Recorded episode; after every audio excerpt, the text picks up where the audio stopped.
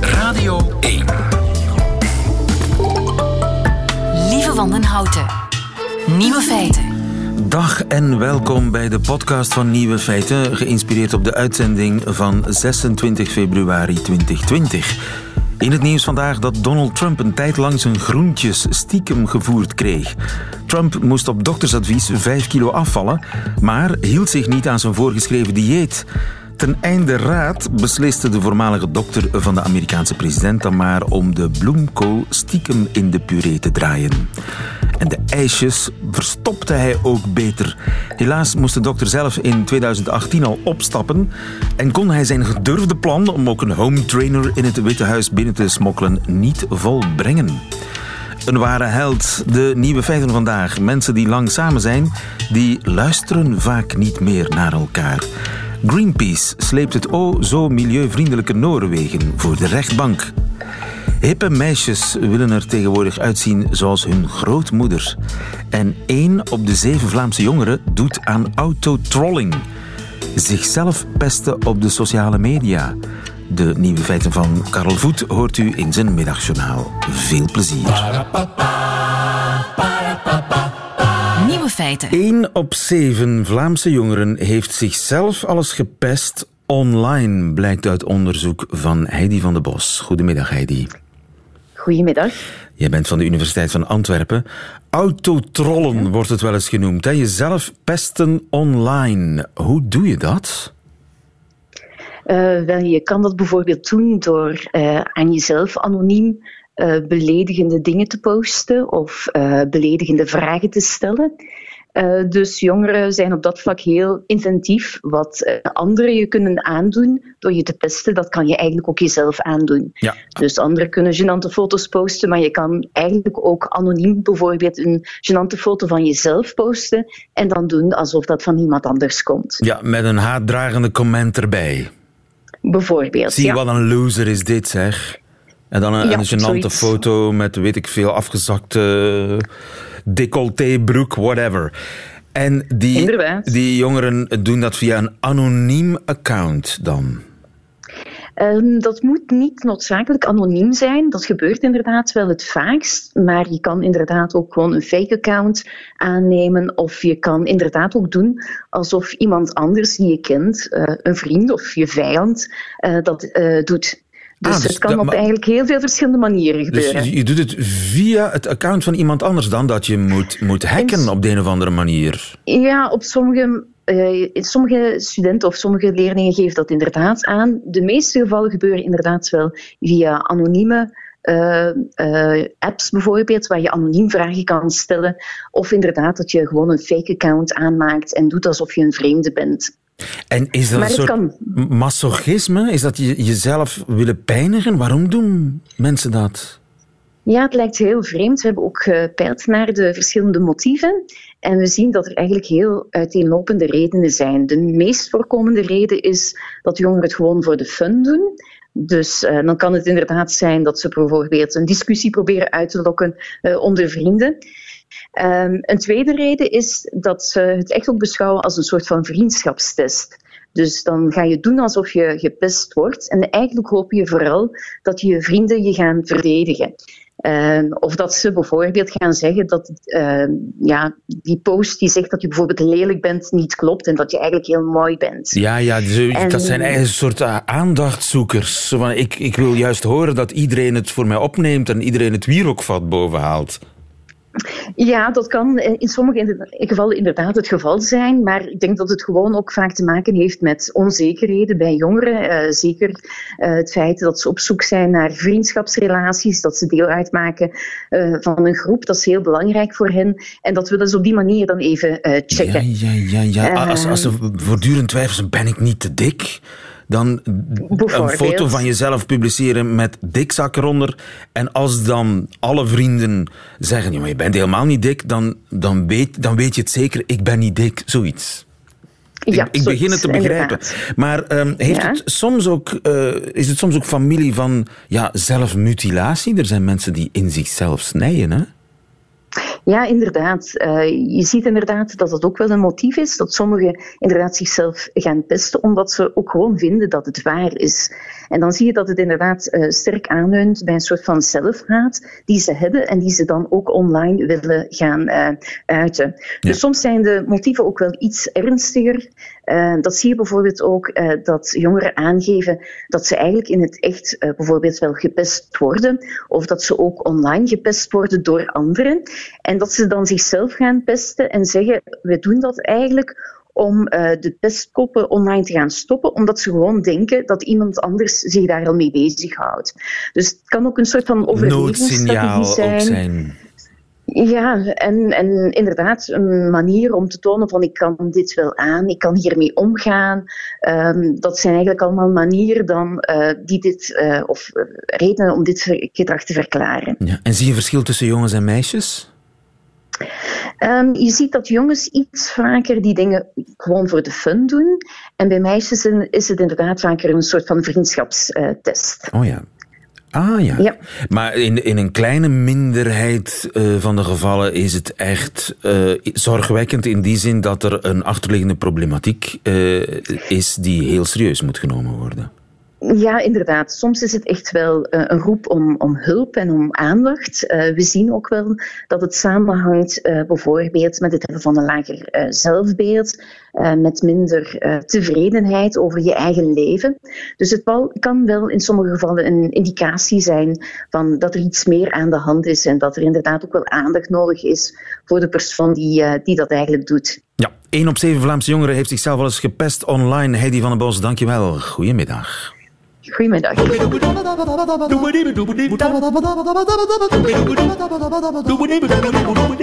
Nieuwe feiten. Op straat zie je hem nog niet, maar op Instagram kun je er nauwelijks naast kijken. Hippe meisjes die kleden zich tegenwoordig net zoals Meme.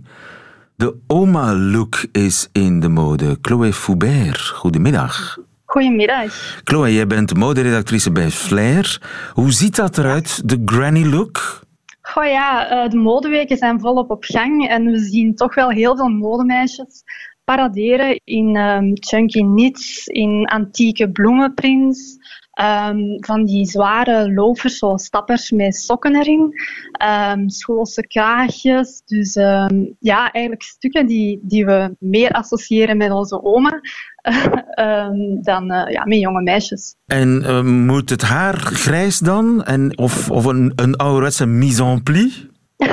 Grijs haar is ook trendy, maar um, ja, eigenlijk je hoeft je haar niet, niet te kleuren natuurlijk. Um, gewoon een zijden sjaaltje om je koepen een beetje te beschermen tegen regen en wind. Iets dat in België wel handig is. Zo'n kapje? Dat eigenlijk. Ja, ja zo'n kapje, zo'n regenkapje, maar dan eigenlijk de chique variant, een, een zijden sjaaltje. Oké. Okay. En uh, eh, 4711 als parfum, de, de 4711, het originele Kölnische wasser? uh, dat weet ik niet. maar ik focus me op de kleren, maar de, de parfum, dat kan erbij natuurlijk, maar dat weet ik niet. Zeg, sexy is wel anders, hè? Ja, dat klopt. klopt. Maar trends komen terug. Elke, elk seizoen uh, is er wel een, een, trendstuk dat terug opduikt uit het verleden. Afgelopen zomer uh, hulden we ons massaal in, in crop tops met tie-dye print en waren we jonge groentjes. Dus uh, het is niet vreemd dat die trend nu opduikt en zeker niet in het hele modebewuste plaatje, allee, in het milieubewuste plaatje in de modewereld. Milieubewustzijn, heeft het daarmee te maken? Ja, de trend gaat wel hand in hand met de toenemende belangstelling voor vintage kledij. Ja. En we gaan ook ja, steeds milieubewuster op shoppingjacht. Hè. We laten stoffen als viscose meer en meer links liggen en we kiezen voor duurzame materialen zoals wol. Dus daarin passen die chunky knits wel, wel, wel perfect. hoe noem je dat? Chunky knits? Ja, chunky knits, dat zijn eigenlijk oversized truien Um, ja, de debardeurs vallen daar nu ook onder. Die zijn ook helemaal... Debardeurs, het woord alleen al. Klopt, ja, debardeurs. Helemaal trending. Dus um, liggen ook massaal in de winkels, zowel bij high, allee, bij grote labels, luxueuze labels, als bij de, de grote ketens. Ja, maar dus de, de echte granny look aanhangster die shopt vintage. Ja, toch wel. Of ja, kijkt gewoon in de kast van de oma natuurlijk, hè, want die puilt uit van die trend, allee, trendstukken. Dus uh, dat kan ook. Ja, een impermeabele, hè, als jas. Een demi-saison, hoe heet die dingen allemaal? Debardeur, sjaaltje op het hoofd, knoopjes dicht. Ja, waar moet ik mijn smartphone steken? Dat, dat schiet mij nu in één keer te binnen. Ja, daar hebben we ook een oplossing voor. Want tegenwoordig heb je zo van die phone cords. Allee, daar kan je dan je iPhone insteken. En ehm, tegenwoordig zijn er ook van die hoesjes. Uh, die bestaan uit, uit kralen. Uit, ehm, ja, uit van die ja, ketting met parels eigenlijk. En dat, dat loopt mato, allee, dat loopt perfect door in die trend. Dus ik zou zeggen, koop zo eentje. Ja, ja dat, het ziet er een beetje 50s uit op die manier. Of je, of je hangt hem gewoon rond je nek in zo van, van zo'n tasje. Zeg, het mannelijke equivalent uh, bestaat ja. dat ook? Uh, de opa-stijl? Die is natuurlijk iets minder vrouwelijk, maar we zien wel uh, mannen in oversized pakken, dat wel. Uh, afgelopen zomer waren ook uh, de sandalen, de, ja, de toeristensandalen noem ik dat, uh, waren ook helemaal uh, hot and happening met sokken erin. Dus daarin past de opa ook wel. Ik protesteer, Chloe. Sokken in sandalen. Ja, sokken in sandalen, da dat gebeurt. is mijn rode lijn. Ja, dat begrijp ik. Maar de, de modeweken wordt het wel meer en meer gespot. Modeweken wordt het gespot, Instagram wordt het gespot. Ben je ervan overtuigd dat we het ook op straat gaan zien de komende maanden? Uh, ja, maar in een iets, ja, misschien een iets fancier variant of uh, met een bepaald aantal trendstukken. Ik denk dat je vooral echt moet mixen met, met casual stukken, zoals een comfy jeans en een gewoon eenvoudig wit t-shirt. Om het, um, om het toch een beetje je... draaglijk en met een beetje sexy ja, te houden. Zodat je niet meteen vreemde blikken op je, op je outfit, uh, op je outfit krijgt. En ja, met, met bloemenprints kan je eigenlijk nooit iets misdoen. Dus met bloemenprints kan je nooit iets misdoen, die onthoud ik. En uh, als u deze zomer van die oma's, uh, van die 20-jarige oma's op straat tegenkomt, wij hebben u gewaarschuwd. Dankjewel, Chloe van Vleijer. Goedemiddag. Dag.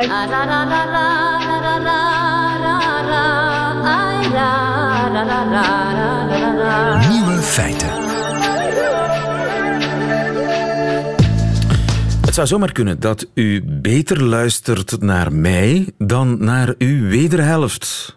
Rika Ponet, goedemiddag. Goedemiddag. You're, jij bent uh, seksuoloog natuurlijk, relatiedeskundige. You're Not Listening. Zo heet een nieuw boek dat binnenkort ook in het Nederlands verschijnt. Geschreven door een columniste van de New York Times, Kate Murphy.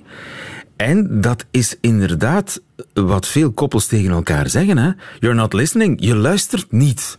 Dat is toch raar? Dat is niet zo raar, denk ik. Um, omdat ja, de mensen waar wij uh, dagdagelijks mee samenleven, daar hebben wij al bepaalde uh, denkkaders over. Hè. We menen die anderen te kennen. We gaan ervan uit, um, doordat we daar al een tijdje mee samen zijn, uh, dat we het ondertussen wel weten. Hoe de andere is, hoe de andere functioneert. En we luisteren dan ook maar vaak uh, met een half oor, zoals dat dan gezegd wordt. Um, en de andere voelt zich dan ook niet beluisterd, omdat we maar half luisteren. Ja, maar dat is toch raar, want intimiteit, dat is toch iets wat je zoekt in een relatie. En intimiteit is dingen delen die je mm -hmm. met niemand anders deelt. Ja, dat klopt. Um, nu, um, wat dat uh, afstemmen betreft, hè, of um, het komen tot intimiteit, op de een of andere wijze, ik merk dat ook telkens, um, leeft toch nog heel sterk de relatiemythe dat als mensen elkaar graag zien, dat die intimiteit dat die er vanzelf is. Hè. Dat we elkaar woordeloos begrijpen, uh, perfect aanvoelen. Uh, mensen gaan daar ook vaak van uit. De andere, uh, als hij mij echt graag ziet, dan weet hij toch wat ik voel. Dan ziet hij dat toch, dan voelt hij dat toch. Um, en dat is eigenlijk de, de grote misvatting. Ik zie dat heel vaak ook bij stellen. Um, men denkt dat de andere eigenlijk weet wat men voelt, wat men denkt. En vermits die andere daar niet goed op afstemt, gaat men ervan uit de andere is onwillig. Ziet mij misschien toch niet zo graag. Hè. En uh, op die manier draait men dan vast in die relatie. Ja, en dat is eigenlijk paradoxaal, want je, je, je leeft 24 ja. op 7 samen, je bent heel nabij en toch ben je veraf. Ja, we kennen en, vaak degene waar we het dichtst bij leven het slechtst. En, en op zich is dat ehm, ja, ook best verklaarbaar. Als je iemand nieuw ontmoet, uh, dan heb je daar nog heel weinig referentiekader uh, mee. En dan stel je vragen, of stel je aan elkaar vragen, en luister je ook nog aandachtig naar een aantal inhouden die bij die andere persoon aanwezig zijn en die je kan delen. en bouw je eigenlijk kennis over de andere op. Iemand waarmee je samenwoont, daar heb je die inhouden al. Je weet dat hij graag spruitjes eet en lang uitslaapt. En je gaat automatisch ervan uit dat je dan ook wel weet wat er bij die man of bij die vrouw innerlijk leeft. Je en dat hebt klopt je niet. besluiten getrokken, als het ware. Voilà, dat is het. En, en dat klopt niet. Eigenlijk, mensen zijn altijd in ook in proces. Het is niet mijn gevoelstoestand vandaag, is niet die van morgen. Wat ik vandaag heb meegemaakt, is niet wat ik morgen zal meemaken.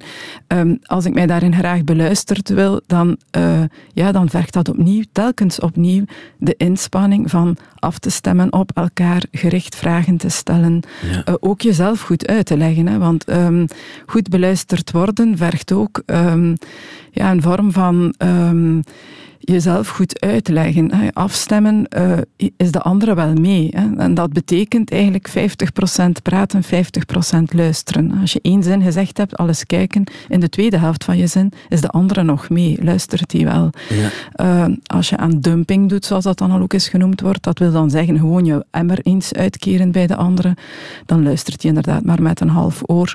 Of geeft hij afwezig, of zit hij al op zijn gsm te tokkelen. Daar gaan we weer, dat kennen we. Ja, dus, nu, wanneer kan ik zelf merken dat ik niet meer naar mijn partner luister? Als je in je hoofd weg bent, andere routes aan het uh, bewandelen bent of kiest. Ja. En bijvoorbeeld als, als hij in gezelschap waar ik bij ben intieme dingen begint te vertellen die nieuw zijn voor mij. Als hij als het ja. ware het gezelschap gebruikt als omweg om, om mij iets te vertellen. Ja. Ja, dat soms is een dat, hè? Ja, soms is dat erg verrassend. Hè, dat je uh, in gesprekken met anderen plots dingen van je partner vaststelt uh, die je niet wist. Ga je uh, tegenwoordig naar een gebedsgroep? dat is wel heel extreem. ja. Zelf meegemaakt, lieve. Nee, nee, nee, nee, nee, nee, nee, nee absoluut niet. ja, inderdaad. Maar het gaat dan meer ook over de gevoelstoestand van de andere. Hè. Dingen waar men het moeilijk mee gehad heeft, die dan op een bepaald moment in de wat intiemere vriendenkring toch gedeeld worden. Ja. Of je praat met de zus of de ma en ja. dan pas hoor je het. Hè, ja. Van, tja, ik wist dat niet, dat jij dat daar zo moeilijk mee gehad had. Um, en dat is eigenlijk wel een beetje een wake-up call. Hè, dat je op dat moment ook uh, heel goed doorhebt van... Uh, ja, uh, ik, uh, het is goed dat ik opnieuw eens wat meer inspanning daar ontlever. Ja. Of daar uh, wat meer, ja, wat gerichter mee bezig ben. En sommige mensen hebben de neiging om de meest diepe gevoelens te beginnen vertellen aan iemand die ze toevallig op de trein tegenkomen. Op reis. Iemand, ja. Daar ga je dingen vertellen die je nog nooit, zelfs niet aan je partner, verteld hebt. Is dat ook een wake-up call? Uh, niet echt, want dat is ook hetgene wat wij in therapie heel, vast, vast, uh, heel vaak vaststellen. Als mensen langskomen, ze kennen ons niet. Uh, we zitten in een veilige ruimte en net um, dat maakt dat mensen ook in staat zijn om is alles eruit te gooien. Hè. We hebben het gevoel, dit heeft geen consequenties. Als je iemand op reis tegenkomt en die voelt op de een of andere manier veilig aan, en het is ook veilig, hè, want die andere gaat dan misschien terug naar Groot-Brittannië en jij naar België. Ja. dat heeft totaal geen consequenties, het gesprek dat je op dat moment aan ja. het voeren bent. Um, ja, er is een vorm van luisterbereidheid aan de andere kant. Je, voelt, je kan daarin ook een enorme connectie ervaren. Dat is een soort gesprek waar je van zegt, die je ook altijd bijblijven. Toen, op dat moment, op de trein, uh, had ik het heel moeilijk en ik heb toen dat gesprek met uh, een man die recht tegenover mij zat gehad. Ja. Dat zijn gewoon mooie momenten. Dat, dat is, dat is niet alarmerend. Dat nee, zijn cadeaus. dat is helemaal niet alarmerend. Dat zijn, uh, ja, dat is, dat zijn momenten van connectie tussen mensen die daarom ja, geen verdere connectie met elkaar hoeven te hebben. En dat is zo mooi dat we dat als mens kunnen eigenlijk. Je ja. luistert niet, dat is iets wat heel vaak voorkomt. Maar ja, je zit niet in een relatie om niet naar elkaar te luisteren. Dus we moeten daar wel iets aan doen als we het vaststellen. Het is, het is gevaarlijk, potentieel gevaarlijk het, voor de ja, relatie. Het erodeert uh, de, de intimiteit, de, de connectie in je relatie, absoluut. Het, uh, het zorgt ervoor dat mensen het gevoel krijgen, we leven naast elkaar, zich ook niet begrepen voelen. Um, anderzijds denk ik ook altijd opnieuw weer, of zeg ik dat ook heel vaak, het is een illusie. Um, en daarin zit net de uitdaging van te denken, um, ja, het zal me ooit lukken eh, om zo'n uh, permanent gevoel van connectie te ervaren. Eigenlijk is het ook in een intieme relatie telkens weer een geschenk als je die connectie ervaart. Dat zijn micromomenten van betrokkenheid. Um, en dat is heel mooi. Hè. Dat zijn de momenten waar we dan ook mee verder kunnen, voor al die momenten dat het er niet is.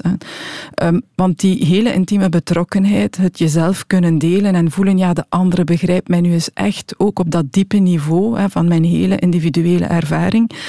Um, eigenlijk moeten we daar heel blij om zijn. Ik denk dat we daar vandaag ook vaak te veel van verwachten. Het kost veel moeite, dat kost ook energie en dat zeer actief en afgestemd luisteren en connecteren. Elk, telkens als onze partner ons dat geeft en wij ook in staat zijn om dat met onze partner te hebben, is dat eigenlijk iets om dankbaar voor te zijn dankbaar en om zijn, verder te bouwen. Nooit for granted nemen en voilà. uh, uh, altijd alert blijven dat, het, uh, dat je blijft luisteren. Ja, Kate, absoluut. Kate Murphy, zo heet de dame, ze heeft een boek geschreven, You're Not Listening. De Nederlandse vertaling die zou over enkele weken beschikbaar zijn. Rika Ponnet, dankjewel. Graag gedaan.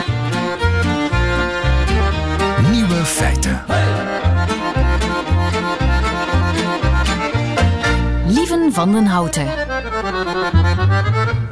Noorwegen, toch het gidsland voor het klimaat, de kampioen elektrisch rijden, wordt door Greenpeace voor de rechter gesleept omdat het land illegaal olie zou willen oppompen. Marcel Burger, goedemiddag. Goedemiddag. Onze man in het Hoge Noorden, Greenpeace, stapt naar het grondwettelijk hof in Noorwegen. Wat vecht Greenpeace precies aan? Ja, Greenpeace vecht het recht aan dat uh, de Noorse bevolking heeft op een goede toekomst. Een, goede milieuvriendelijke toekomst, waar dus geen vervuiling zal zijn.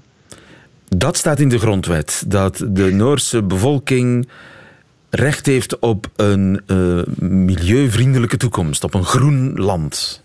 Ja, de Noorse staat heeft de plicht dus om te zorgen dat de bevolking een goed leven heeft, ook in de toekomst. Uh, het heeft de plicht te zorgen dat dat dus uh, de milieuwetten in acht neemt. Alles wat de Noorse regering doet, de Noorse staat doet, moet dus uit oogpunt zijn dat niet alleen deze generatie, maar ook de volgende generatie goed kan leven. Ja, en nu heeft de Noorse overheid een aantal bedrijven de toelating gegeven om naar olie te zoeken in het Noordpoolgebied, in de Barentszee. Ja, dat klopt inderdaad. En dat is niet de eerste keer dat Greenpeace dit dus wil aanvechten. Uh, ze zijn al sinds 2016 bezig om dat eigenlijk te stoppen, die, dat, dat olieboren daar.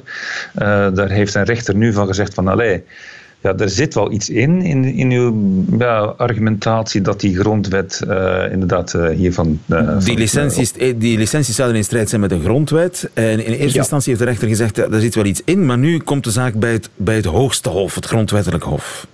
Ja, omdat uh, Greenpeace denkt van, allee, we hebben een klein beetje gelijk gekregen, maar toch ook niet helemaal. En we lijken helemaal gelijk krijgen. Dat olieborrel moet gewoon stoppen. Dat is slecht voor het milieu, slecht voor de toekomstige generaties. En ja, de hoge rechter moet daar nu over beslissen eigenlijk. Ja. En de Greenpeace zegt van, ja, de rechter heeft het besluit, uh, die moet daarover beslissen, niet ja. de regering. En de regering en het parlement hebben hun zeg al gehad. Die licenties zijn door het parlement geraakt. Ging dat makkelijk? Ja, eigenlijk vrij gemakkelijk. Ondanks dat, uh, dat de Noren uh, vrij milieuvriendelijk te boek staan. De Noren reageren namelijk zo. Kijk, Noorse energievoorziening is vooral veel waterkracht. En die olie wordt dan wel opgepompt, maar die wordt ergens anders naartoe gebracht. En dan denkt de Noorse regering, allee, dan is het niet ons probleem, hè. Oh ja, de Noorse olie die elders verbrand wordt, telt niet mee. Ja, dat vindt de Noorse regering. Maar daar zegt de rechter van ja, die moet wel meegewogen worden. Alleen het is niet voldoende om zeg maar, die grondwet dan nu bij te halen. Dus ja, het zit eigenlijk een beetje tussen twee, twee kanten in. Ja. En nu is dus de hoogste rechter moet daarover beslissen. En dan kan Greenpeace misschien gelijk krijgen. En hoe belangrijk worden die nieuw aan te boren olievelden in het Noordpoolgebied voor de Noorse economie? Ja, vrij belangrijk. Noorwegen heeft eigenlijk sinds dat ze zijn begonnen met het winnen van olie heel veel geld gepompt in een nationaal fonds. Een, een appeltje voor de dorst eigenlijk voor later. Er zit 1200 miljard dollar in dat fonds. En Noorse appeltje voor de dorst is 1200 miljard. Ja, het is het grootste publieke fonds ter wereld eigenlijk. En dat moet Noorwegen eigenlijk voor de toekomst voorbereiden als die olie helemaal op is. Nu zit het wel zo dat de olievelden in de Noordzee en in uh, de Noorse Zee langzaam maar zeker op gaan raken. Dus die, ja, die, die Noordpoolgebieden worden wel heel interessant, heel lucratief eigenlijk. Ja, maar dat is dan natuurlijk een catch-22, waar de Noren in zitten. Om hun Tesla's te kunnen blijven betalen, moeten ze olie verkopen. Ja, het is eigenlijk heel hypocriet hoe Noorwegen reageert. Uh, maar er moet, speelt ook nog iets anders mee. Um, Noorwegen en Rusland zitten daar in het hoge noorden uh, een soort landjespolitiek te doen. Wie heeft daar de macht? En dus voor Noorwegen is het ook belangrijk om te laten zien van kijk, we boren hier naar olie. Dit hoort bij ons stuk en jullie Russen moeten daar vandaan blijven. Dus het is niet alleen het milieuvraagstuk, het is ook een, ja, een soort geopolitiek ja, speel wat er gespeeld wordt. Dus niet alleen economie, milieu, maar ook geopolitiek speelt hier een rol. Dus dat is een, een belangrijke knoop die uh, op het bordje ligt van het, groot, het Grondwettelijk Hof in uh, Oslo. Klopt inderdaad. Ja, het wordt een lastig vraagstuk. Ja, de vraag is natuurlijk wie gaat er winnen. Wie gaat er winnen? Hou ons op de hoogte. Dankjewel Marcel Burger in uh, Uppsala, Zweden voor ons. Goedemiddag. Radio 1. Altijd benieuwd. Tot zover de nieuwe feiten van 26 februari 2020. U krijgt alleen nog die van Karl Voet in zijn middagjournaal. Nieuwe feiten. Middagjournaal. Beste luisteraar, u moet het mij vooral niet kwalijk nemen. Ik werd vanochtend wakker en wist meteen dat ik me zou gaan bezighouden met een literair vraagstuk. Is Ernest Hemingway, beste luisteraar, echt de macho die iedereen in hem ziet? Dat zou ik tegen de middag even uitzoeken. Ik nam er The Sun Also Rises bij, in het Nederlands, en de zon gaat op. Klinkt net iets minder toegegeven. Het is de eerste roman van Hemingway, goed om het onderzoek mee te beginnen en nog handig dun ook. Het verhaal speelt zich af in Parijs kort na de Eerste Wereldoorlog. Het alter ego van Hemingway, de schrijver Jake, hangt er rond met zijn vrienden, mannelijk en vrouwelijk. Ze eten en drinken, gaan dansen en worden verliefd. U kent dat, of toch minstens van horen zeggen. En omdat elke dag champagne op de boulevard Saint-Michel ook gaat vervelen, verhuist de hele bende na een tijd naar Pamplona, de Spaanse stad waar ze zich begin juli in de straten laten opjagen door een gemene stier. Alter ego Jake is impotent, ik ga het niet anders omschrijven. Het gevolg van een wonde opgelopen in de Grote Oorlog. Dat leidt tot smachtende en verscheurende scènes op de achterbank van een taxi door Parijs met Brett de femme van het gezelschap. Hevig verlangen dat nooit wat kan worden. Ik veronderstel dat ze alleen wil wat ze niet kan krijgen, zegt de schrijver. Oké, gewoon onmogelijke liefde was voor mij ook goed geweest, maar macho, ik twijfel. Ik twijfel al helemaal als de mannen in de buurt van Pamplona op forel gaan vissen. Een Guardia Civil vraagt hun vergunning als ze met hun grief uit de bus stappen. De permis van de schrijver is netjes in orde, datum en al. Macho-gedrag? Ik dacht van niet. Dan verzwijk ik nog dat Hemingway, of zijn alter ego, zichzelf laat uittellen in Pamplona, knock-out geslagen door de oud-bokser in het gezelschap. Hij denkt er niet aan om iets terug te doen. Komt bijna in de buurt van de nieuwe man. Wel zou ik de schrijver willen waarschuwen voor overdreven drankgebruik. Drie flessen Rioja Alta bij de maaltijd als zij van Fatal Bret gaat oppikken in Madrid nadat ze een einde heeft gemaakt aan haar affaire met een stierenvechter en daarna nog twee, dat is echt te veel. En nog een aandachtspunt. Hemingway moet vooral niet doen alsof hij wat van de koers kent. Op weg naar Madrid komt hij in een hotel in San Sebastian Franse en Belgische coureurs tegen, die in de ronde van Baskeland zitten. Rijden zoveel tegen elkaar dat het niet uitmaakt wie er wint, schrijft Hemingway. En zeker niet in het buitenland. En het geld, dat wordt wel geregeld. Nee, toch. Maar voor de rest een belofte die Hemingway. Hou hem vooral in het oog.